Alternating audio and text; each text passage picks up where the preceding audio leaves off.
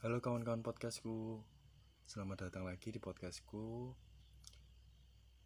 Ya setelahnya adalah Cara mama dulu untuk membersihkan kamar mandi.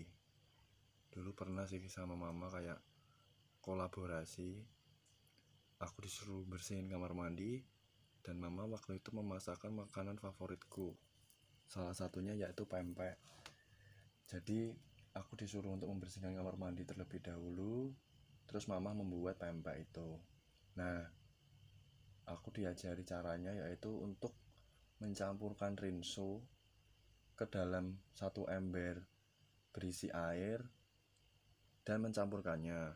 Setelah itu air sabun tersebut disiram di bagian-bagian yang ingin disikat.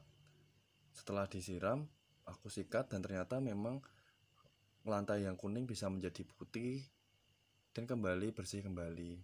Dan setelah itu aku menyantap pempek dari mamaku.